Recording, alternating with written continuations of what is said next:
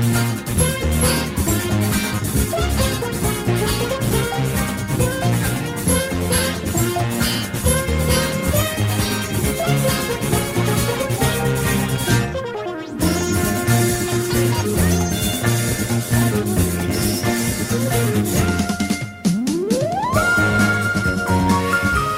God eftermiddag og velkommen til Boraki og Blædel her på Radio 4. Et lidt vingeskudt øh, Boraki og Blædel skal jeg måske også lige sige her indledningsvis, fordi jeg står godt nok i studiet.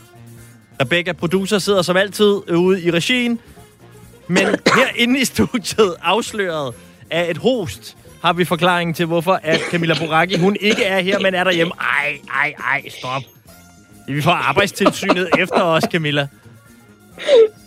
Åh, oh, ja, det gør vi, to. Ej, jeg har det fint, på, jeg har det fint. Som alle kan høre, Ja. er jeg helt up and running, og jeg vil bare gerne lige, jeg vil gerne lige understrege nogle ting til at Ja. starte med.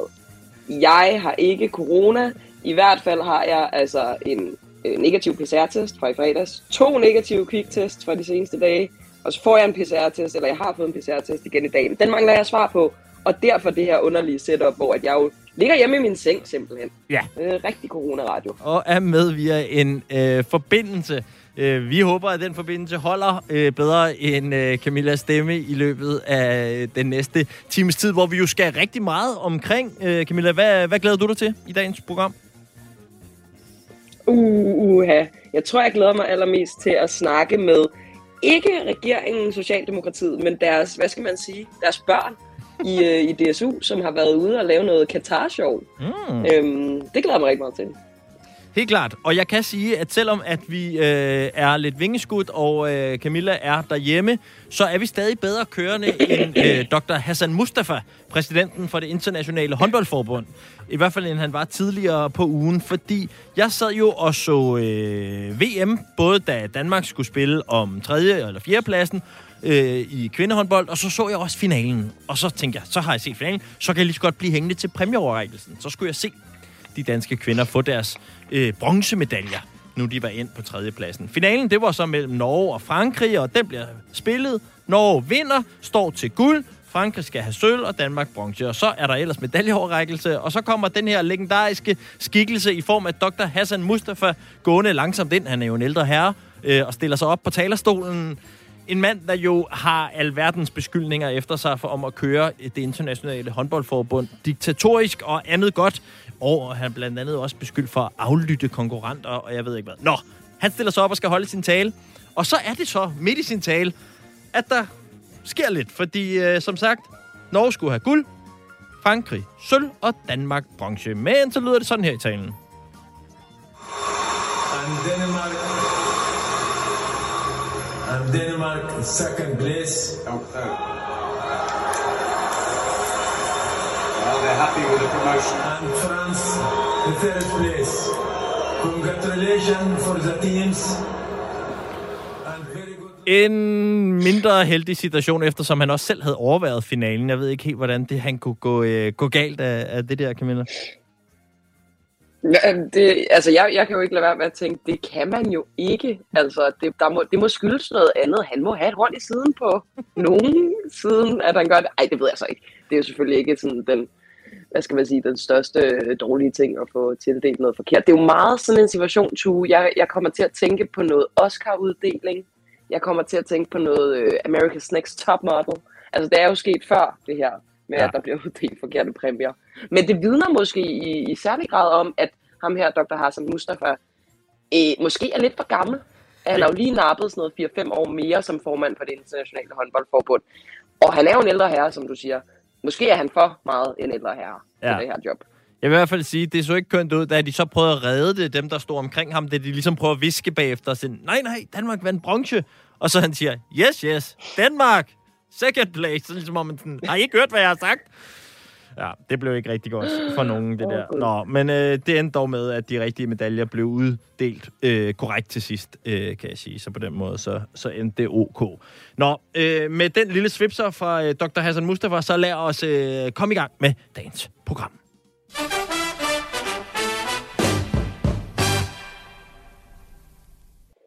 Og der tænker jeg, at, øh, at jeg lægger for land, Tue, her. Det er meget mærkeligt ikke at kunne se dig i øjnene, men, men vi prøver. Ja. Øhm, vi skal til en historie, som har fyldt rigtig meget, i hvert fald øh, derinde på Twitter, hvor at øh, medierne jo befinder sig, politikerne befinder sig, også nogle gange øh, bare folk, som er sportsinteresserede, det er også meget stort på Twitter. Øhm, vi har jo set det med David Beckham, og Ja. vi har set det med Xavi og Yaya Touré og Ronald de Boer, og der kommer hele tiden flere til. Og det, jeg taler om, det er jo folk, som bliver en form for sådan øh, galionsfigurer for Katar i forbindelse med, at VM øh, skal holdes dernede. Og en af dem, der så øh, støder til de her gamle fodboldlegender, det er til mangens forbløffelse vores egen Nadia Nadim, Ja. landsholdsspilleren, fordi i weekenden, der kunne man se hende medvirke i en, jeg ved ikke, hvad jeg skal kalde det, en kampagnevideo, som er lavet af det, der hedder Supreme Committee, som er sådan noget, man støder ind i, hvis man beskæftiger sig meget med VM i Katar. Det er den organisation, der ligesom er ansvarlig for afviklingen af VM næste år. Og jeg synes måske bare lige, vi skal starte med at høre, hvad skal man sige, lydsiden af den her øh, kampagnevideo, som Nadia Nadim altså lavede. Hun var nede i Katar og besøge øh, nogle øh, afghanske flygtningebørn. Øh, jeg ved ikke, om du kan spille det der fra, hvor du står. Så. Det kan du tro. Jeg spiller klippet, og imens så kan det være, for der er lidt knitren på din linje, at du laver den gode gamle med at svinge telefonen over hovedet, og måske endda hoppe af forbindelsen og øh, på igen, mens vi lytter til øh, klippet. Så satser vi på, at øh, din øh, forbindelse også er lidt friskere, når vi øh, vender tilbage på den anden side af lyden af øh, det her opslag, hvor man altså kan høre Nadia Nadims øh, besøg. You leave everything behind and then you come somewhere where you have to start from scratch. So definitely know how it feels. Obviously, it's never easy to leave your home, especially not under those circumstances. The facilities are obviously top class, so new everything, just because it's been also built for the World Cup. So you couldn't ask for anything better. Very positive about what's happening here and also grateful helping humans who are in need. Uh, that's what I'm about, and Qatar is definitely doing as well. And, and it should be something that people do recognize. Watching this and seeing everything, it kind of makes you believe in humanity again. Ja, altså øh, sådan her lød i hvert fald brudstykker af den her kampagnevideo, som, hvor man kan høre, at der er også blevet arbejdet med det, jeg plejer at kalde for Coldplay-strygerne øh, nedenunder, så det hele får sådan lidt øh, svung. Øh, og det gør jo ondt i hjertet på en, det der med at høre, at det hele er top class. Der er ikke en finger at sætte på det her, øh, hvor at man kan sige, det ved vi jo, der bare har beskæftiget os. Alle, der har beskæftiget sig minimalt med øh, Katar, og forberedelserne til VM ved, at der er øh, mere end finger at, øh, at sætte på det øh, arrangement. Camilla, er du øh, kommet på, øh, på forbindelsen igen? Kan du høre os? Altså, jeg kan høre dig i hvert fald. Spørgsmålet er, om øh, I kan høre mig i en okay version. Vi, øh, vi kan høre dig. Det lyder stadig lidt knitrende, men ved du hvad, vi satser på, at du rykker dig lidt over mod et vindue, og så øh, værre er det heller ikke, end at vi lige øh, vi prøver at køre videre sådan her. Øhm, Jeg ligger jo ude på min altan, hvor jeg har lavet en, en form for seng. nej, nej. Men det kan jo også bare være, at det er min sygdomsstemme, som, øh, som lyder ganske forfærdeligt. Det så, vil jeg ikke afvise. så har du en mærkelig øh, robotagtig måde at blive syg på, vil jeg sige. Det tror jeg ikke, det er. Hvad tænkte du, Camilla, da du hørte det her øh, klip her med Nadim? Jamen, det, det, er jo, det, er jo, det er jo behageligt, det der med at høre, at, øhm, at det ligesom står for sig selv, at hun siger, at, øh, at Katar er et land, som øh, tager sig godt af menneskerettigheder og sådan noget. Det kan man jo ikke lade være med at sådan, wow, wow, hey, vent lige. Det, altså, der skal også nævnes nogle andre ting på en eller anden måde. Og jeg synes faktisk, jeg har lige prøvet at, at ligesom liste et, et nuanceret og faktuelt billede af, hvad det er, der, der foregår i Katar, fordi det, det synes jeg er ret og rimeligt i, i kølvandet på sådan en her video. Man kan sige, som du sagde, at Katar har meget store problemer med menneskerettighederne, og, og alle de her døde migrantarbejdere, som både er døde af andre byggerier, men også i forbindelse med, øhm, med bygningen af fodboldstadionerne til VM. Men så er det jo så også sådan, at Katar jo faktisk har taget imod 10.000 af flygtninge fra Afghanistan, efter at øh, Taliban-styret ligesom kom til magten. Blandt andet Nadia Nadims øh, tante. Og så er det så også sådan til gengæld, at Katar i mange år har støttet Taliban øh, økonomisk, men de har også lavet et Taliban-hovedkvarter i Doha, øh, hvor sådan eftersøgte terrorister ligesom kunne, øh, kunne få fred og ro til at, at hygge sig og gemme sig. Øh, og man kan sige sådan, hvis vi snakker Taliban, der, det kan man måske lade være usagt, øh, fordi vi ved alle sammen godt, at det ikke er nogen, nogen gode nogen, men, men de har så også for nylig opret, øh, oprettet et ministerium til opretholdelse af dyd og moral. Og det er jo sådan meget lækkert og meget øh, 1750-agtigt. Øhm, og det er så også med, med økonomisk støtte fra Katar. Øhm, så, så man kan sige, det giver jo mening på en eller anden måde, at Nadia Nadim er, er glad for Katar i den forstand, at de ligesom huser hendes tante, men hun får jo så ikke rigtig med, at Katar jo samtidig med den anden hånd støtter Taliban økonomisk. Og det er, ligesom, det er ligesom det, der er ærgerligt ved det her, for det ligner jo, at Nadia Nadim, som vi ved er en ekstremt begavet dame, ikke har forholdt sig til, til alle fakta på en eller anden måde. Og det, det, det gør mig ked af det at se, fordi så bliver hun jo en del af hele det her spil, hvor Qatar jo bruger atleter til at sportswashe øhm, det, de har gang i, ikke? og prøver at male et, et smukt billede af noget, der jo i virkelighedens verden ikke er særlig smukt. Ja, men jeg må også sige, at øh, det overraskede mig voldsomt øh, at se øh, Nadia i, øh, i den her sammenhæng, øh, fordi at det er jo netop, som du siger, det er jo tydeligt, hvad det her det går ud på fra Katars side i hvert fald. Så kan det godt være, at der er nogle gode ting at, at finde i forhold til, hvordan Katar har, har ageret i den her øh, krise i Afghanistan. Øh, lige så vel som der også er øh, tydeligvis nogle, nogle dårlige ting at finde i den måde, de har ageret på.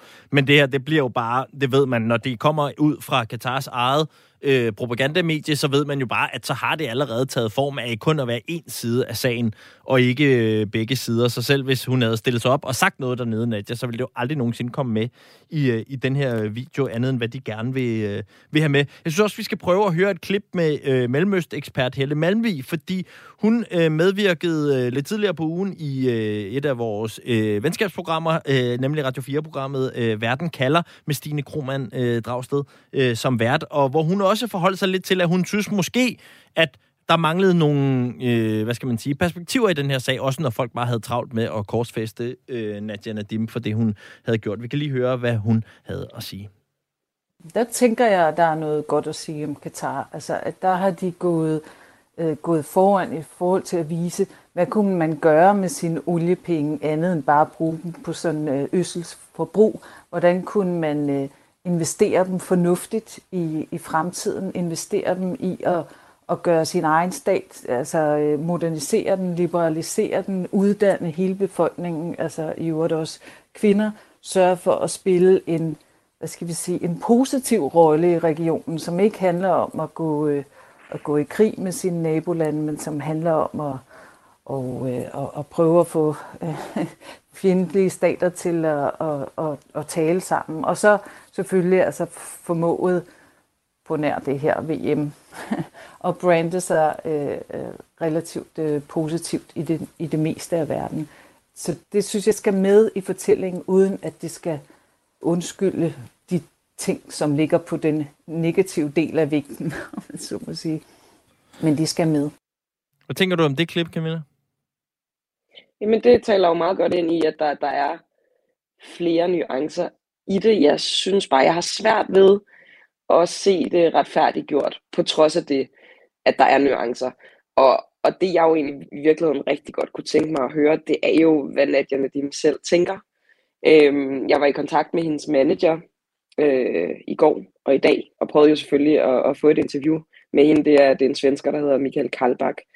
Øhm, fordi han, det var også tydeligt, at han synes, at de danske medier var enormt ensidige i deres dækning, og det nærmest var en, en, en form for heksejagt på Nadim efter det her.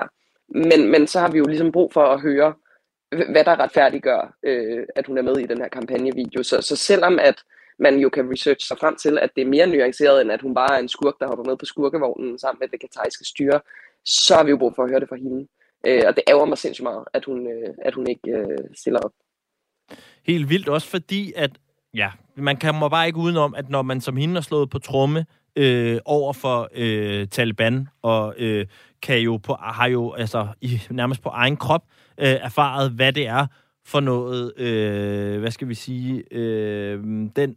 Øh, hvad det er, der sker, når, det, det har når Talibans altså, styre jo, ligesom jo... kommer til, ikke? Så virker det bare absurd, ja, altså, at hun men... ikke skulle have tænkt det med, når hun siger ja til det her. At hun ikke tænker, nå jo, selvfølgelig, altså, ja, men ja, det, det, det, det er mærkeligt, synes jeg. Ja, det virker jo, det kan godt være, at det, jeg går over stregen her nu, når jeg nævner det, men, men, men det er jo kendt, at hendes far blev henrettet af Taliban. Ikke? Så det er jo sådan, det er jo, det er jo voldsomt. Øhm, Og det, det undrer mig, ikke, at hun ikke forholder sig mere til det. Øhm, men altså, det, det, det der bliver sagt øh, fra hendes manager, det er, at, at øh, hun har eksamener, og ikke har haft tid til at læse, hvad det er, medierne skriver. Det er jo så, det har han så, men han ja. har så heller ikke haft tid til at udtale sig. Og det, det, det er jeg bare ærgerlig over. Altså, det, det gør det lidt vanskeligt at dække det sådan helt øh, fra alle sider, kan man sige. Og så står vi jo tilbage med, med og prøver at lave nuancer. Øhm, ja. Vi forsøger ja, jeg, jeg stadigvæk... Synes, det, det er en ærgerlig situation. Det ender med at se dumt ud. Jeg synes, du øh, for guds skyld ja. må blive ved med at, øh, at spørge på det interview. Øh, det vil også være interessant en gang i det nye år, hvis det var, at eksamenerne skulle være overstået der, og der skulle være tid til at, øh, at tale med os. Vi lader lige den historie så ligge øh, ind til videre.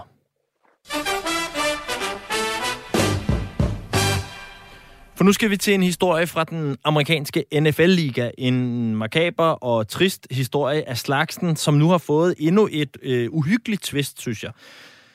Den starter tilbage i april måned, for her der skød og dræbte den tidligere NFL-spiller, altså amerikansk fodboldspiller, øh, Philip Adams, seks personer i øh, staten South Carolina, inden han så også tog livet af sig selv. Det lød blandt andet øh, sådan her i amerikansk fjernsyn dengang. A former NFL player is now linked to this mass shooting in South Carolina. Authorities say Philip Adams killed five people and wounded one other before turning the gun on himself. The victims who died were a prominent doctor, his wife, their two young grandchildren, and a man working at the doctor's home. They were all found dead at the house yesterday. Adam's body was found in another home nearby after a short standoff with officers. He was reportedly being treated, though, by the doctor who was killed. Og her, otte måneder efter den her tragiske hændelse, så viser det sig så, at den her tidligere NFL-spiller, han var plaget af en alvorlig hjernesygdom, som øh, hedder kronisk traumatisk encefalopati, øh, også kaldet CTE. Øh, og han er altså langt fra den eneste NFL-spiller, der er blevet ramt af den her øh, hjernesygdom, og nu bliver den altså linket også måske til noget af hans ageren her til for otte måneder siden. Øhm, og med det, så kan vi så sige øh, velkommen til programmet til øh, dig, Tommy Kærsgaard. Ja, hej. Tommy, du er jo både NFL-ekspert og også øh, vært på NFL over hos øh, vores kollegaer på øh, TV3 Sport. Øhm, kunne du ikke lige for de lyttere, der måske ikke har hverken Philip Adams eller hans historie helt frisk i hukommelsen, lige rise op, både hvad han var for en, en spiller måske, og så også øh, hvad det var, øh, der skete her, øh, da han, øh, efter han var trukket sig tilbage? Jo, altså han var jo øh, han var en stor stjerne i South Carolina, hvor han, hvor han så også øh, spillede på, på college, det var også her, at øh, alt det her det foregik. Øhm, og det var jo så i college, han blev draftet sent til, til NFL-draften. Øh, det var her, hvor alle NFL-holdene kan vælge de største talenter. Der blev han valgt i den sidste runde, man kan blive valgt i, i syvende runde. Øh, og var sådan lidt en marginalspiller, synes jeg godt, man kan tillade sig at kalde ham igennem karrieren. Han var på en masse forskellige hold, øh, men holdt alligevel i ligaen i, i en 6-7 år. Øh, og familien har jo så efterfølgende udtalt, at allerede i slutningen af NFL-karrieren, der, der havde det ligesom påvirket ham. De kunne godt se, at han mentalt øh, havde ændret sig. Og faktisk, han kunne godt have spillet i længere tid. Øh, hans agent øh, fortalte i et års tid efter, han trak sig tilbage, fortalte agenten, at han blev inviteret til en training camp, øh, hvor han skulle hurtigt på en flyver for at komme med i en training camp. Så tog han aldrig ud.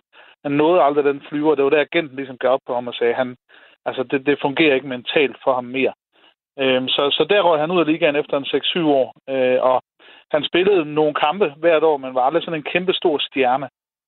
Så jeg vil sige, at han er først på alvor kommet på forsiden af de amerikanske medier øh, efter det, der skete.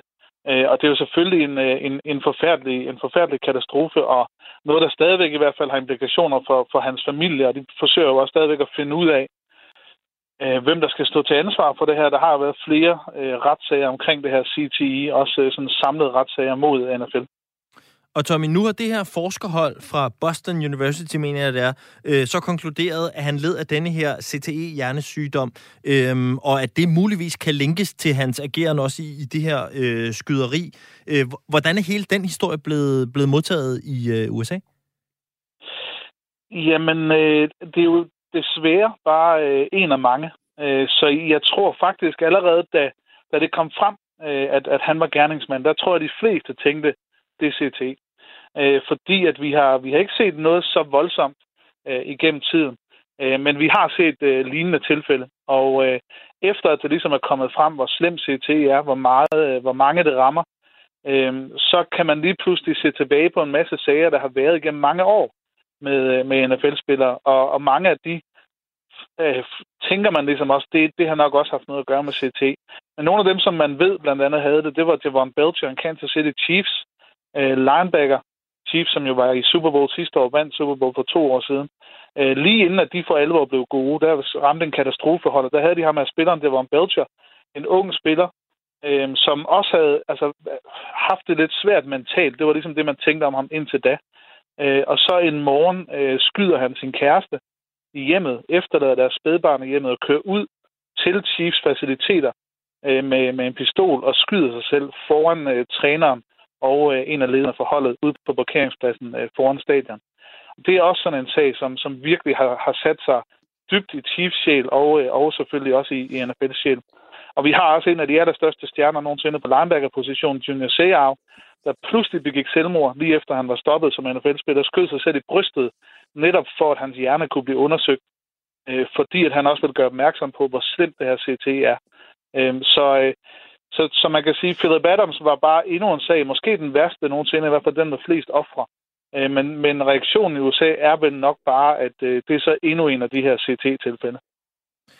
Det er jo, øh, det er jo hæftige øh, sager, det her, øh, Tommy, og øh, jeg, jeg så også et sted, at øh, den her, øh, nogen, en undersøgelse, der havde været i 2017, havde fundet den her CTE-hjernelidelse øh, hos 110 ud af de 111 øh, NFL-spillere, man havde, man havde undersøgt. Øh, og det er så selvfølgelig også vigtigt at sige, at nogle af de her sager, vi snakker om her, det er så måske der, hvor at den her CTE-sygdom når ud i sin værste grad. Øh, den findes også i en grad, hvor det mere bare er en form af en, af en depression eller sådan noget. Men, men alle de her sager her, øh, er de ikke nået til et sted, hvor at så er, er folk er begyndt at, at ligesom sætte det store spørgsmålstegn ved sporten og sige, kan vi overhovedet fortsætte med at have den her sport? Øhm, jeg tror lige, det der helt store spørgsmål, det, det tror jeg ikke, der er nogen, der tager op. Øh, fordi det er, det er den aller, aller største og mest populære sportsgren øh, i USA. Men, men der er jo der er blevet sat store spørgsmålstegn ved, øh, om det var for voldeligt. Øh, og det har det også været. Øh, NFL har jo også ændret meget øh, og har lavet både nye politikker omkring, hvordan man undersøger hjernerystelser øh, midt i kampe. Altså spillere bliver simpelthen, der sidder en observatør på stadion, som ikke har noget med, med holdene at gøre, og han holder udelukkende øje med, om der er nogle spillere i løbet af kampen, der viser tegn på, at de har hjernerystelser. Hvis han ser noget som helst, øh, så bliver den spiller taget ud af kampen og bliver undersøgt med det samme for at se, om han har hjernerystelser. Fordi NFL vil ikke have, at man spiller med, øh, med hjernerystelser. Og så har de lavet en masse ændringer på, hvordan man må ramme hinanden, hvordan man må bruge hjelmen som våben, eller faktisk har de lavet det sådan, at man må slet ikke bruge hjelmen som våben. Øh, hvor det i gamle dage måske netop var lidt populært at bare sænke hovedet og så bare smadre sin modstander. Så noget ser man ikke mere i sporten. Så, så det er blevet en, øh, en, en anderledes sport, men den er jo stadigvæk virkelig, virkelig voldelig, og den mest voldelige sportsgren øh, i, øh, på jorden, vil jeg næsten våge påstå. Og mange af de her CT-tilfælde, dem vil man heller ikke, øh, meget af det, der forårsager CT, vil du aldrig kunne tage ud af sporten, fordi at det er faktisk mere de der små kollisioner, som vi ser på linjen, altså til dem, der måske engang imellem må se amerikansk fodbold, der står jo en masse kæmpe store mennesker lige over for hinanden, lige inden bolden går i gang. Og når bolden går i gang, så hammer de jo ind i hinanden. Mm. Og det gør de altså øh, på øh, ja, 60-65 gange i hver eneste kamp. Og øh, den kollision, der, der sker der, den svarer til et biluheld med omkring 30-35 km i timen på kroppen. Hvis man så forestiller sig det, man gør det 60 gange hver eneste søndag, år efter år, så, øh, altså, så, så, så, så er der bare nogle skader på hjernen. Øh, og det, det må man leve med, så længe man har NFL, og det tror jeg, man bliver ved med at have. Og Tommy, øh, du er jo også ud over at være ekspert og vært, så er du jo også bare kæmpe fan. Hvordan er det som fan at navigere i det her, synes du? Øhm, det, det, det, det, er, det er da svært. Uh, I kan også høre, at jeg fumler en lille bitte smule med altså, fordi at, at nogle af de her uh, sager er jo simpelthen altså, så dybt, dybt tragiske, at, at det næsten er svært at bære. Uh, så så, det, det har helt klart ændret ens syn på sporten, fordi da jeg begyndte at se det øh, for, for, ja, hvad bliver det, 20-25 år siden, der var det jo simpelthen, altså nærmest alt, hvad du så, når sæsonerne var slut, så var der jo highlight-videoer, hvor du kun så de mest vanvittige taklinger. Og der sad man jo bare og frydes over, altså spillere, der blev jævnet med jorden og besvimet, når de blev ramt og sådan noget, og bare synes at det var alt for vildt. Øh, og det kan man jo godt se tilbage på nu og tænke, selvfølgelig var det egentlig ikke særlig godt for, sådan personligt for de spillere. Men på det tidspunkt var der jo ikke nogen, der havde nogen anelse om, øh, hvor, øh, hvor voldsomt det var, altså hvor især det mentale, altså det her med, at spillerne direkte ændrer opførsel. Nu nævnte Junior Seau tidligere, han begik jo selvmord, fordi han kunne ikke genkende sig selv mere, og ingen i familien kunne, kunne tale med ham mere. Han var blevet en helt ny person, øh, end da han startede med at, at spille i NFL, simpelthen på grund af, af alt det impact, det havde haft øh, på hjernen. Og det er jo voldsomt, at, øh, at de her kollisioner kan, kan forårsage så store ændringer hos mennesker. Det er øh, helt vildt, og øh, det bliver spændende at følge, hvordan at den her øh, hjernesygdom kommer til at påvirke sportsgrenen også fremadrettet, fordi man kan jo høre, som du siger, der er alle mulige tiltag, der er øh, trådt i kraft, men samtidig vil der jo også være, selv hvis de virker, tænker jeg, en lang, lang række af spillere, som er i gang, er blevet påvirket, har fået de der flere øh, hundrede bonk mod hinanden, som du øh, forklarede før, øh, som jo øh, alt andet end lige øh, stadig har det med sig øh, ind i de, i de nye tiltag, om man vil. Jamen, det er der helt klart. Altså, NFL har jo, NFL har jo været i retten med det her, og har indgået forlig med utrolig mange eksspillere, fordi at det blev tydeligt, at det kom frem, at NFL var blevet advaret. Altså, her er vi næsten tilbage i sådan noget, ligesom dengang, at uh, tobaksselskaberne blev advaret om, at, uh, at, at rygning gav kraft, at de så forsøgte at dyste det ned. Det gjorde NFL også. Øhm, og det kom jo frem, og det har de måtte betale enormt mange millioner dollars øh, til, til tidligere eksspillere. Og så har de jo gjort det også, at de vi sætter en masse penge af nu hvert år til, til forskning på det her område, til forskning i bedre hjelme, øh, og hjelmen er blevet markant bedre hen over de sidste 10 år, beskytter hovederne bedre. Øh, og så er der så også blevet sat en masse penge af til de pensionsfonde, som der allerede var til spillerne, til netop at hjælpe de spillere, der er hårdest ramt med at få den rigtige behandling, øh, når de engang er færdige. Tommy, øh, jeg siger øh, tusind tak, øh, og øh, så skal vi jo lige høre i samme omgang, jeg har jo også en anden trussel til NFL, som er øh, den, der tror de fleste sportsgrene lige i øjeblikket, øh, corona. Øh, bliver der ja. overhovedet spillet amerikansk fodbold hen over julen, som det ser ud lige nu? Jamen, øh, det gør der. Øh, der har været lidt udsatte kampe i den her uge, øh, og øh, så har NFL lavet nogle nye politikker. Nogle øh, vil sige, at de måske lige kigger lidt væk, men altså de har sagt, at de tester ikke de vaccinerede spillere, medmindre de har tydelige symptomer. Det gør jo, at øh, der vil være flere spillere, der, der får lov til at spille. Og så har de så også sagt, at hvis der er hold, der ikke kan stille op, så bliver de taberdømt. Øh, så det vil sige, at det kan godt være, at der er nogle kampe, der bliver aflyst, men øh, når januar kommer, så, så vil alle kampe være afviklet i hvert fald skemamæssigt. Ja. Nogle hold vil så være taber det, og så kan vi være klar til, til playoffs i januar. Men det bliver da også spændende, om det bliver med tilskuer og så videre. Men uh, øh, NFL vil have den her sæson færdig. De har ikke råd til andet. Sagde altså uh, Tommy Kærsgaard, som er ekspert og uh, vært på NFL-dækningen over på uh, TV3 Sport. Tusind tak for det, Tommy. Selv tak.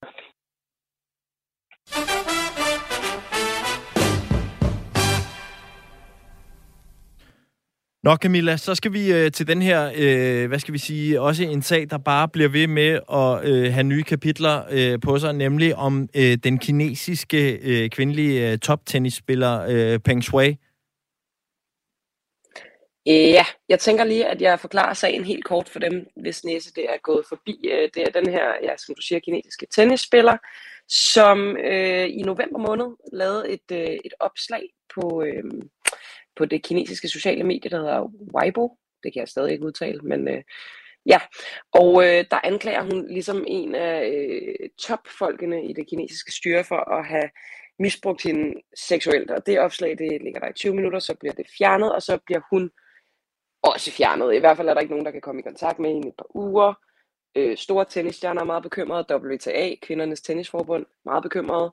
Øh, indtil at hun så øh, holder et form for møde øh, på Teams sammen med formanden for WTA, Steve Simons, og, øh, og så også nogen fra det officielle sportskina og øh, noget IOC, Olympisk Komité og sådan noget. Øh, hun bliver også spottet senere på, på en restaurant i Beijing og sådan noget. Men, men øh, det, der så sker øh, nu i sagen, øh, det kan jeg måske forklare bedst ved at øh, citere mig selv med den besked, som jeg sendte til dig, to i søndags. Ja. Jeg skrev, this crazy shit. Og så en ny besked. Det er jo for sygt ny besked. Hun bliver jo kontrolleret og styret, mange udopstegn. Og det var fordi, at jeg fik en øh, push-notifikation fra øh, nyhedsbyrået Reuters, som ligesom kunne berette om, at Peng Shui nu går ud og benægter at have fremført anklager om seksuelle overgreb. Øh, for det har hun nemlig sagt øh, i, i søndags til, øh, til et medie, hvor hun så forklarer, at det post, hun lavede på Weibo i november, det er blevet misforstået. Og jeg får bare lidt lyst til at læse op fra det post, som selvfølgelig blev screenshottet, selvom det kun nåede at være der i 20 minutters tid. Øh, for ligesom at, at, at fremlægge for lytterne, om det kan misforstås. Øh, så jeg læser lige op her. Det hun skriver, det var øh, for omkring syv år siden havde vi sex. Sidenhen, efter du blev forfremmet, og har talt oven altså til, øh, til ham, øh, viceministeren, efter du blev forfremmet til medlem af den øverste del af partiet, ville du ikke have kontakt med mig mere. Jeg plejede at begrave alt inde i mig selv. Men hvis du ikke ville tage ansvar for noget, hvorfor kom du så tilbage til mig og tog med hjem til mig, tog mig med hjem til dig for at have sex? Det er sandt, jeg ikke har beviser. Det er heller ikke muligt at efterlade beviser. Efterfølgende benægtede du alt, men det er sandt, at du har tiltrukket af mig først, for ellers havde det ikke været muligt for mig at være i kontakt med dig. Den eftermiddag gav jeg ikke mit samtykke, og jeg blev ved med at græde. Ja, det virker svært at misforstå. Det, øh, det vil jeg give dig øh, ret i. Det synes jeg. Nå, men hun udtaler så altså øh, Peng Shui til den kinesiske Singapore-baserede avis Lian He Saobao. Jeg har aldrig talt eller skrevet om, at nogen skulle have begået seksuelle overgreb på mig. Og hun får så også sagt i det interview, at hun hele tiden har været fri og har boet i sit hjem i Beijing. Og altså, det kan godt være, at jeg er farvet af en berettiget skepsis, men de her citater, de lyder sketchy, synes jeg. Og WTA er altså også stadig bekymret. Og den her sag er jo vild, fordi WTA har suspenderet alle deres turneringer i Kina. Og det er jo sådan en kæmpe stor indtægtskilde, fordi der er altså millioner og milliarder af seere, kinesiske seere til de her turneringer. Det er jo den måde, man ligesom også tjener penge på, på i sporten, ikke? Øhm, så for nu, uh, det skal du ikke sige. Fordi imens at Camilla lige får hostet af, så synes jeg i hvert fald godt, at uh, man kan sige, at noget af det, der også er vildt ved den her historie, det er jo, at der er flere eksperter, der har altså virkelig forudset det her skridt for skridt. Altså startet med at sige, det kommer til at blive fjernet, så kommer hun til ikke at være til rådighed for at udtale sig, så kommer der til at blive så tvivl om hendes person, så kommer hun til at få lagt pres på sig, sådan, så hun kommer ud og fortryder og siger, at sådan var det ikke alligevel. Øhm, og, og sådan har det så også bare kørt helt slavisk øh, lige siden at historien startede. Ja, og, og det, øh, det, det, altså man kan jo ikke lade være med at blive, blive ved med at være bekymret for hende. Øhm, ikke som sådan, at jeg tror, at hvad skal man sige, der sker hende noget fysisk, men man kan sige, jeg tror ikke på det der med, at hun er fri. Øh, jeg tror da, som du siger, at hun bliver styret med hård hånd.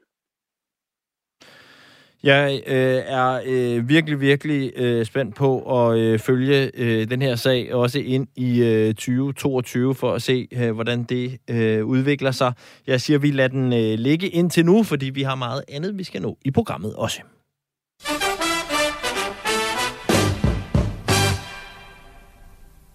I søndags, da jeg havde en stor søndag rent arbejdsmæssigt, der dukkede i hvert fald et, øh, et billede, et post op på min øh, Instagram-profil. Og det var fra Socialdemokratisk Ungdom, som postede et billede af et event, som de var med til at holde i lørdags. Og det gjorde de sammen med Venstres Ungdom, Konservativ Ungdom, SF Ungdom, 3F Ungdom, Radikal Ungdom, Rød Grøn Ungdom og Veganerpartiets Ungdom. Og det foregik på øh, Christiansborg Slotsplads, hvor man simpelthen havde tændt 6.500 lys for de døde migrantarbejdere i Katar. Og her citerer jeg altså fra, øh, fra postet fra øh, DSU, som er døde på grund af de slavelignende forhold under opførselen af fodboldstadier til VM-slutrunden i Katar. Og det, er jo, øh, det så egentlig det så rigtig, rigtig smukt ud. Jeg blev også ganske glad, da jeg så det, fordi det, det ligner jo en, en form for stillingtagen. Og øh, hvorfor det her event blev afholdt, og hvad, hvad der ligesom var bevæggrunden, og hvad man håber på at kunne sige med det, det kan vi jo passe at spørge dig om. En af eventmagerne, Sune Holm, som er medlem af DSU. Er du med os? Jeg er med, ja. Hej.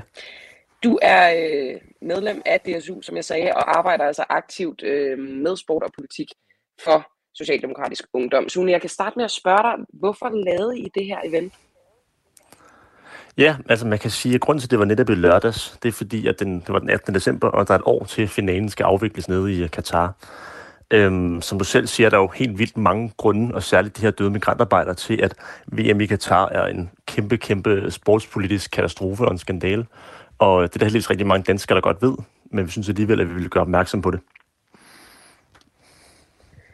Øhm, og hvem var, hvem var det til? Altså, hvem rettede I det mod? Hvem ville I gerne have så det? Var det, var det til regeringen, I ville øh, råbe dem op? Eller hvad, hvad, hvad, hvad gik det ud på? Ja, men det er lidt todelt, kan man sige. Vi er selvfølgelig glade for, at du og alle mulige andre har set det på sociale medier og i hjælpebeskeden, synes jeg også, det var et ret stærkt billede, der blev taget. Men der er heller ikke nogen tvivl om, at vi i DSU synes, at Danmark ikke skal deltage i øh, VM i Katar. Det har vi synes længe, og prøvet ligesom at råbe både regeringen og DBU og andre aktive deltagere i den her debat op omkring. Det, der så er med det, det er jo også, at lad, altså, let's face it, Danmark kommer til at deltage til VM i Katar næste år. Men derfor synes vi også, det er rigtig, rigtig vigtigt, at vi så laver en politisk boykot, så vi ikke har statsministeren, eller kulturministeren, eller udenrigsministeren, eller kongehuset, eller andre officielle personer nede og blåstemme den her fuldstændig forfærdelige begivenhed, det her tyranniske styre. Øhm, jeg synes jo, det er meget spændende at, at, at høre jer tage så kraftig stilling. Meget modsat det, som, ret mig hvis jeg tager fejl, kalder jeres forældreparti i, i regeringen. Mm. Øhm, jeg bliver glad for at se, at I har den her holdning, men hvor meget magt har DSU? Altså, kan I påvirke Socialdemokratiet, som jo trods alt er, altså, I er jo i familie med dem, lad mig sige det på den måde. Ja, ja, nå, det er rigtigt. Øhm, det er et godt spørgsmål. Altså man kan sige, at DSU og Socialdemokratiet har et rigtig, rigtig tæt og stærkt samarbejde, øhm, og der er ikke nogen tvivl om, at Socialdemokratiet lytter rigtig meget på, hvad for nogle holdninger vi har på en lang række politiske emner. Øhm, det er klart, at vi bestemmer jo ikke, hvorvidt at kulturministeren for eksempel så deltager til VM i Katar næste år. Men der er ikke nogen tvivl om, at vi synes, det er en rigtig, rigtig dårlig idé, hvis hun gør det på nuværende tidspunkt, eller hvis det skulle være en anden udenrigsminister til den tid. Øh, det er klart. Så øhm, vi prøver da at påvirke dem så meget vi kan, og jeg ved da også, det er noget, de ikke har taget stilling til endnu. Så, øh, så vi håber da virkelig meget, at hverken kronprins Frederik, eller Anna Helsbo, eller Jeppe Kofod, eller hvem ved jeg, deltager næste år og blåstemmer det her tyranniske styre, som de har dernede, som jo krænker menneskerettighederne dagligt. Man kan sige, at Ane Halsbo har jo selv udtalt, at hun mener ikke, at det vil være en blåstempling øhm, at tage ned og, mm. og overvære slutrunden. Om hun gør det eller ej, det, er jo, det står jo stadig så øh, ude i det, det uvisse. Mm. Men altså, jeg tror, vi to vi kan godt blive enige om, øhm, vi bliver følelsesmæssigt påvirket det her. Vi taler tusindvis af menneskeliv. Mm. Altså, hvis, hvis du har en af, af toppolitikerne i dit eget parti, som vælger at tage ned, og som altså på nuværende tidspunkt, til trods for alle de fakta, vi har, ikke vil boykotte det, altså i hvert fald ikke diplomatisk, mm. det er hun ikke ud at sige nu. Hvordan kan du stå inden for at være medlem af det parti så i sidste ende? Nå, men der er ikke nogen tvivl om, at jeg er fuldstændig enig i det, du siger langt hen ad vejen. Altså i et parti er man jo aldrig 100% enig i alting, det er klart. Øhm, hvis man var det, så ville det jo være ens eget parti, og det er det af god grund ikke. Jeg tror ikke på, at man kan sige på den måde, at hvis du ikke er 100% enig i alting, så skal man melde sig ud. Jeg tror, det er vigtigt, at folk er medlemmer i partier og kan påvirke den rigtige retning. Øhm, og der er ikke nogen tvivl om, både jeg og DSU prøver ligesom at trække et første et boykot. Det kommer ikke til at ske, så politisk boykot, det har jeg stadig forhåbning om en mulighed. Øhm, og hvis det ikke sker, så må man jo prøve derfra. Men at sige, at, øh, at jeg burde melde mig ud af den grund, eller at DSU skulle stoppe samarbejdet med Socialdemokratiet, eller hvad ved jeg, det synes jeg måske også er lige drastisk nok, trods alt. Men hvad er det så, Sune, I har at, at gøre godt med i forhold til at lægge pres? Fordi I jo, øh, I jo nogle politiske øh, mennesker, og øh, det, som jeg trods alt har lært af politikere gerne ved, det er jo at prøve at ændre nogle ting. Øh, så Mm. Øh, hvis, hvis, altså, hvor, hvor langt, hvad kan I gøre? Hvad har I af muligheder for at presse på, udover at lave et Instagram-post? Nå, men jeg tror, vi har gode argumenter. Øh, jeg synes, der findes rigtig, rigtig, rigtig mange gode argumenter. Særligt de her 6.500 med døde mennesker, med døde migrantarbejdere, men også rigtig, rigtig mange andre i forhold til den forfærdelige øh, måde, de behandler homoseksuelle på, eller den forfærdelige måde, de behandler kvinder på i Katar, eller alt muligt andet, den korruption osv. Jeg synes, der er rigtig, rigtig mange gode argumenter til, hvorfor man ikke skal rejse derned, hverken som fan eller som politiker øh, til Katar næste år. Og det håber jeg jo ligesom, at de argumenter kan vi bruge. Jeg ved ikke, om vi har nogen, hvad skal man sige, strafaktion mod regeringen eller sådan nogle ting, men jeg synes, at vores argumenter er så stærke, at øh, jeg der forventer, at regeringen lytter til dem. Men Sune, det er jo de samme argumenter. Altså, det, det kan vi jo ikke bilde hinanden ind, at de ikke har hørt før alle de argumenter. Nej, det er jo ikke taget stilling til det nu, kan man sige. Der er lige lidt bøvl med øh, Camillas øh, forsinkelse her. Vi forsøger lige at, øh, at få hende øh, på igen. Sådan er det at øh, lave øh, corona-radiozone. Det må du bære over med, så. øhm, men, men jeg kunne så i mellemtiden lige spørge dig. Øh, altså, de her argumenter, mm. det siger du så godt nok, at øh, dem øh, har de ikke taget endelig stilling til endnu. Øh, men de mm. har jo hørt dem i overvis og i overvis. Det er jo over 10 år siden Katar fik tildelt det her øh, VM. Så der, mm. man kan sige, det er jo ikke bare fordi, der ikke har været tid endnu til at sætte sig ned og tænke sig over det. Det er jo fordi, man med vilje ikke har haft lyst til det så. Vil du ikke give mig ret i det? Øh, jo, langt hen ad vejen ved jeg. Man kan sige, det er rigtigt nok, at det var 2010, tilbage i december 2010, at man ligesom fik, det, altså Katar fik tildelt værtskabet. Men det er jo først hen for de sidste, hvad skal man sige, to-tre år, der for alvor kommer fokus på det. Øh, desværre det er så sent, heldigvis, at der kommer fokus på det nu. Øhm, og det er også lidt derfor, vi laver det her event. Udover at vi synes, der skal være en øh, diplomatisk boykot af slutrunden, så det er jo også for, at alle danskere, og forhåbentlig også mange uden for landets grænser, hvis man kan være så heldig, ligesom får øjnene op for det her. Fordi det fylder jo rigtig meget i øh, den danske debat, og det er jo pragtfuldt. Men jeg tror ikke, det fylder særlig meget uden for Vesteuropa, desværre. Øhm, så det er jo lidt todelt. Det er jo både i forhold til diplomatiske boykot, men det er også for at skabe opmærksomhed omkring de her store, store problemer, de har med menneskerettigheder og alle mulige andre øh, gode værdier, som bliver overholdt i Katar. Har du øh, haft nogen som helst øh, snakke med øh, nogen, øh, skal vi sige, voksen socialdemokrater, det var ikke ment nedladende, øh, øh, om den her sag? Øh, nej, personligt så sidder jeg ikke i hvad skal man sige, ledelsen eller i forretningsudvalget DSU, så det er ikke noget, jeg har. Men jeg ved, det er en dialog, som er blevet taget blandt øh, andre DSU'er med regeringen. Også med øh, Halsbo, altså kulturministeren? Øh, så vidt jeg er orienteret, men jeg er ikke 100% sikker, men ja, det er jeg ret sikker på, trods alt. Okay, og så her til sidst, øh, Sune, altså mm. øh, hvis nu, at det øh, ender med, øh, at øh, der kommer et øh, politisk øh, boykot, men at øh, VM i Katar stadig bliver, øh, bliver spillet, øh, hvad synes mm. du så, det bliver for en, hvad skal vi sige, et eftermæle, som regeringen står tilbage med øh, i forhold til øh, et VM, der trods alt blev afholdt øh, og uden et boykot? Er det så øh, er det så fejlfrit og bestået, fordi man ikke øh, øh tog der ned, og så man egentlig håndterede det øh, rigtigt? Øh, nej, som sagt, så både jeg og DSU mener, at Danmark slet ikke bør deltage i slutrunden. Og hvis Danmark gør det, og det kommer det jo til, det ved jeg godt, øhm, så synes jeg, at det er en fejl.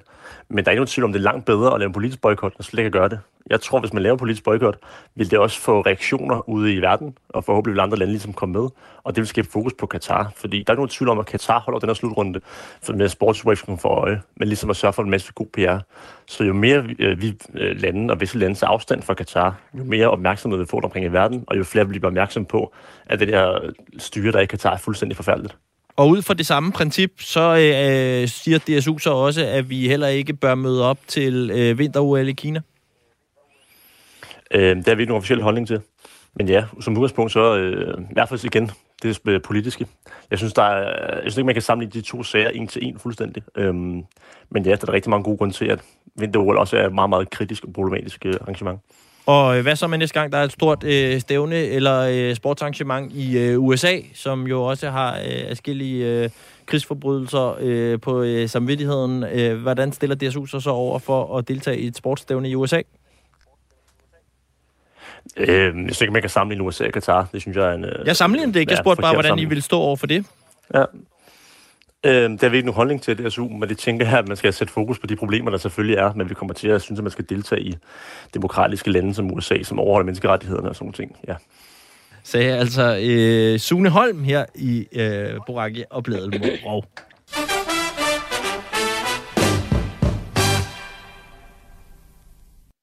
Sådan der. Så skal vi jo, Camilla, til øh, dit yndlingselement her i programmet. Så det er dejligt, du lige nåede at være igen tilbage på linjen. Og jeg krydser fingre for, at linjen øh, virker. Jeg synes virkelig, at jeg blev konfronteret med, med coronaens øh, skyggesider. Altså de lidt mere lette af ja. dem, selvfølgelig. Øhm, nej, jeg, jeg går direkte til ugens held, fordi det ved jeg øh, gør mig i godt humør, som du siger, Tu. Øhm, jeg var jo så heldig at få lov til at dække OL i sommer. Og der bemærkede jeg noget øh, ved mig selv, at jeg nemlig godt kan lide atleter, som ligesom markerer sig uden for arenaen. Og derfor forelskede jeg mig hovedkuls i guldvinderen og udspringeren Tom Daly fra, øh, fra Storbritannien. Fordi han øh, brugte lejligheden i, øh, ved lejene i Tokyo om at tale meget smukt om øh, rettigheder for homoseksuelle. Og fordi han sad og øh, strikkede, når han sad ude på tilskuerpladserne i svømmehallen. Øh, han er jo et rigtig god til at strikke, så hvis man gerne vil se hans øh, værker, så kan man lige gå ind på hans Instagram-profil. Nå, men derfor øh, var det ikke særlig svært for mig at vælge ugens held i den her uge. Fordi Tom Daly, han øh, tabte, desværre, det engelske awardshow, som hedder Sport Personality of the Year, til tennisstjernen Emma Raducanu. Men til gengæld, så fik han lov til at holde en meget, meget fin tale, og den synes jeg, at øh, vi skulle benytte lejligheden til at høre.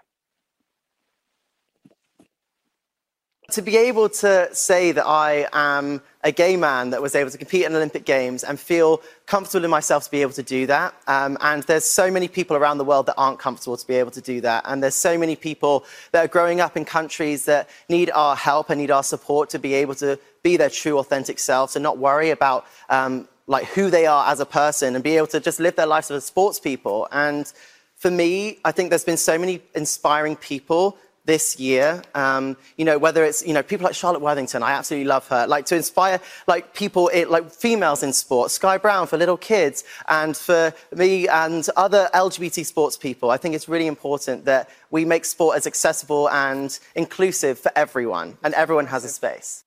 Can I get a hallelujah?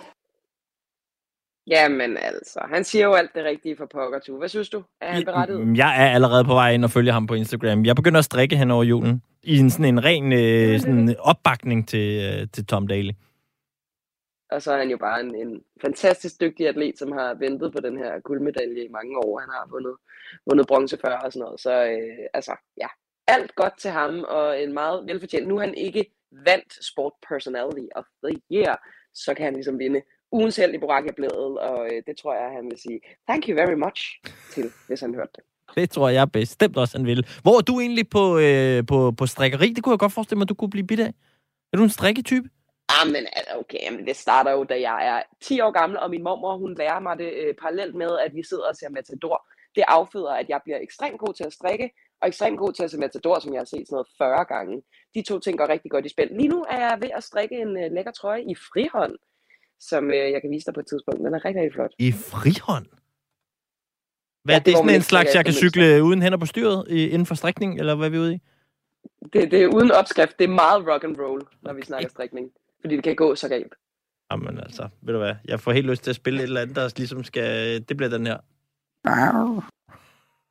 Det, det er strikning. Ej, det bliver nødt til at forklare. det, det, det bliver nødt til at forklare, hvad det, det bliver er, for langt. Det bliver for langt. Det var en mærkelig kattelyd, og det må lytterne bare acceptere. Der kom en kattelyd, og der kommer ikke nogen yderligere forklaring. Se det som en form for julegave, man aldrig rigtig forstår. Fordi vi skal også lige nå at runde øh, den kære øh, kulturminister, som vi også var inde på ganske kort i interviewet med Sune før, øh, Anne Halsbo. Fordi hun har jo været i gang med noget, som øh, egentlig gjorde mig sådan lidt stolt til at starte med, Camilla. Fordi hun har været øh, nede øh, til vennerne i EU, og så har hun sagt, prøv at høre her. Det, det er tydeligt, der er noget problem. Jeg bliver konstant ringet op af en, der hedder Camilla Boracchi, som gerne vil have øh, nogle svar på, hvor, om vi deltager i det ene, eller det andet, eller det tredje og jeg har brug for at have et eller andet form for svar for hende, til hende, og jeg gad også godt, at vi ikke altid skal svare på, at vi er endt med nogle sportsstævner i nogle lidt dubiøse lande. Noget lignende, det må være grundlaget for, at hun valgte at tage derned og sige, lad os få en hensigtserklæring. Også lande imellem, hvor vi siger, det dur ikke, at vi bliver ved med at give sportsbegivenheder til øh, tvivlsomme øh, nationer. Og det viser sig jo faktisk, at hun har fået opbakning, Camilla. Ja, fra hvem?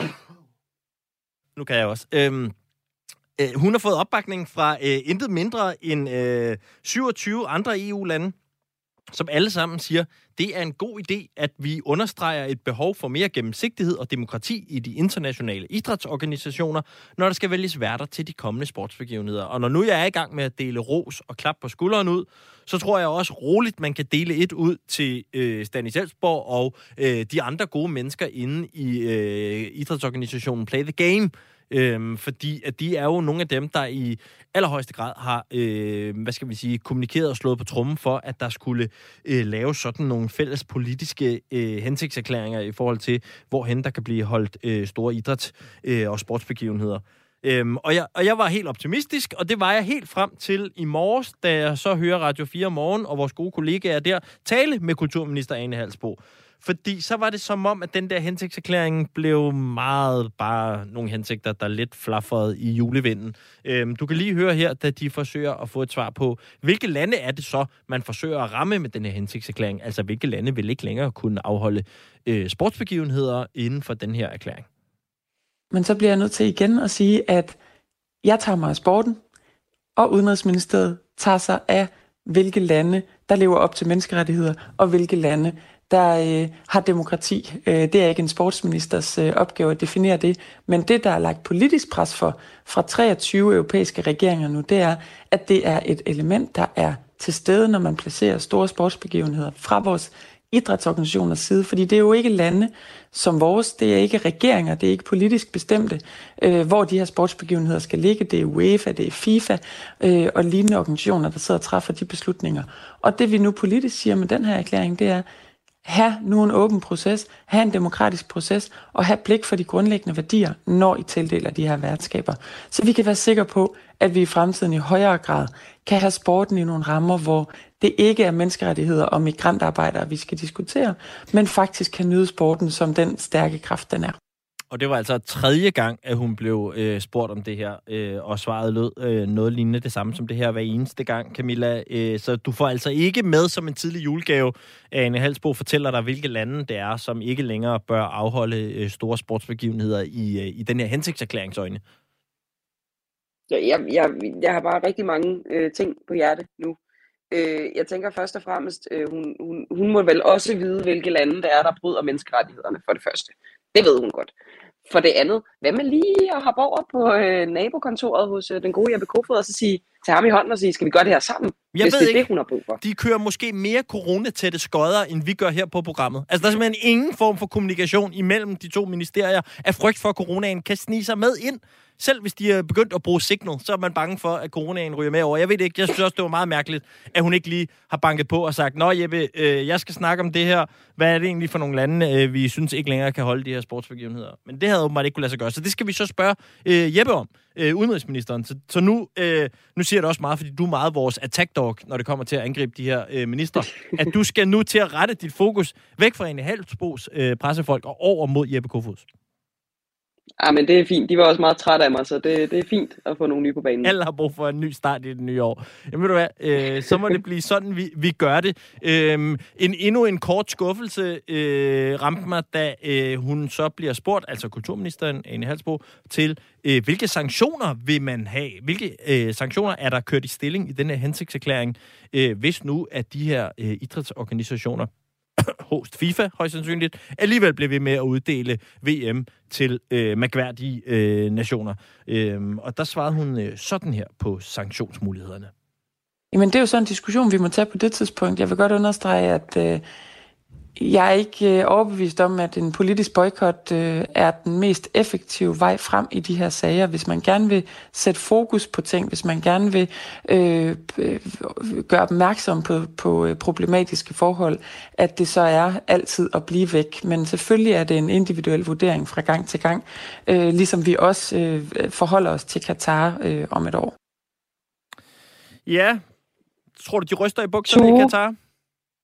Nej, det tror jeg da ikke, og det får mig simpelthen til at tænke på sådan et citat, som jeg blev ret meget mærke i, som Ane Halsbo øh, selv sagde tilbage i oktober, som jeg får lyst til at google frem, og det har jeg gjort, og læse op. Men ved du hvad, det synes jeg er passende også, fordi "Det den værste, der- eneste, du har citeret indtil videre i dagens program, det har været dig selv. Beklager. Halsbo sagde tilbage i oktober, det værste, der kan ske, er, at vi laver et eller andet fint stykke papir, som betyder, at næste gang slutrunden ligger tvivl- i tvivlsomme stater, så har vi bare et stykke papir. Så tager vi ikke debatten. Undskyld mig, det her, hun har Det er det lavet, det er vel papir. for fanden lige præcis det. Det her er jo bare et stykke papir. God damn it. Åh oh, nej, det øjeblik, når man pakker julegaven ud, og man tænker, ej, det er det ikke, og så går det op for, det er det, det er. Det er en deodorant, fordi man åbenbart lugter dårligt. Det er det stykke papir. Ej, hvor er det irriterende. Nå. Jamen, øh, vi, øh, ved du hvad, vi må simpelthen øh, konkludere, at øh, det er så langt, vi kommer med Ane Halsbo i det her år, tror jeg, øh, i det her program. Øh, så starter vi øh, forfra med øh, udenrigsministeren i, øh, i det nye år, og så ser vi, om han bliver nemmere at få i tale og få nogle svar ud af. Det synes jeg er øh, en aftale. New year, new them. Perfekt. Og der er ikke meget mere tilbage af det her lidt corona-ramte øh, Boraki og Blædel-program, hvor at øh, Camilla Boraki altså har måttet lave hele programmet øh, halvvejs i øh, sin seng, halvvejs i et eller andet intimistisk opsætning ude på sin altan i et forsøg på at få god nok forbindelse. Hvor er du nået til i dit hus lige, eller i dit hjem lige nu, Camilla Boraki? Jamen, jeg er gået ned under dynen. Jeg har simpelthen givet op. Det beklager jeg, men det, det, det blev underligt bakset det andet at ligge iskold ude på min altan, når jeg er så syg, som jeg er. Jamen, øh, så er der ikke andet for, end at du bare bliver liggende under den dyne, og forhåbentlig øh, bliver frisk til øh, juleaften. Og så i mellemtiden, så siger jeg øh, tusind tak for i dag, og siger, at der er masser af god øh, grund til at blive hængende her på kanalen, hvor der er mere god radio på vej til dig. Øh, før vi når dertil, så er der selvfølgelig også lige en øh, stak friske øh, nyheder. Men øh, jeg siger øh, tak for den her øh, gang, og så øh, siger jeg ellers på genhør allerede om en uge.